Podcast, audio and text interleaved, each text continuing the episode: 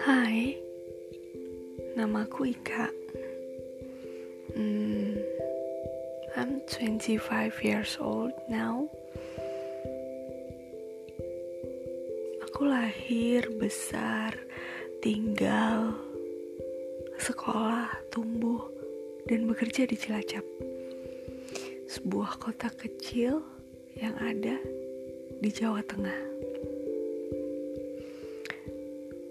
Hmm, sebagai perkenalan aja, sekarang tanggal 2 Februari 2020 jam 23.55 tepatnya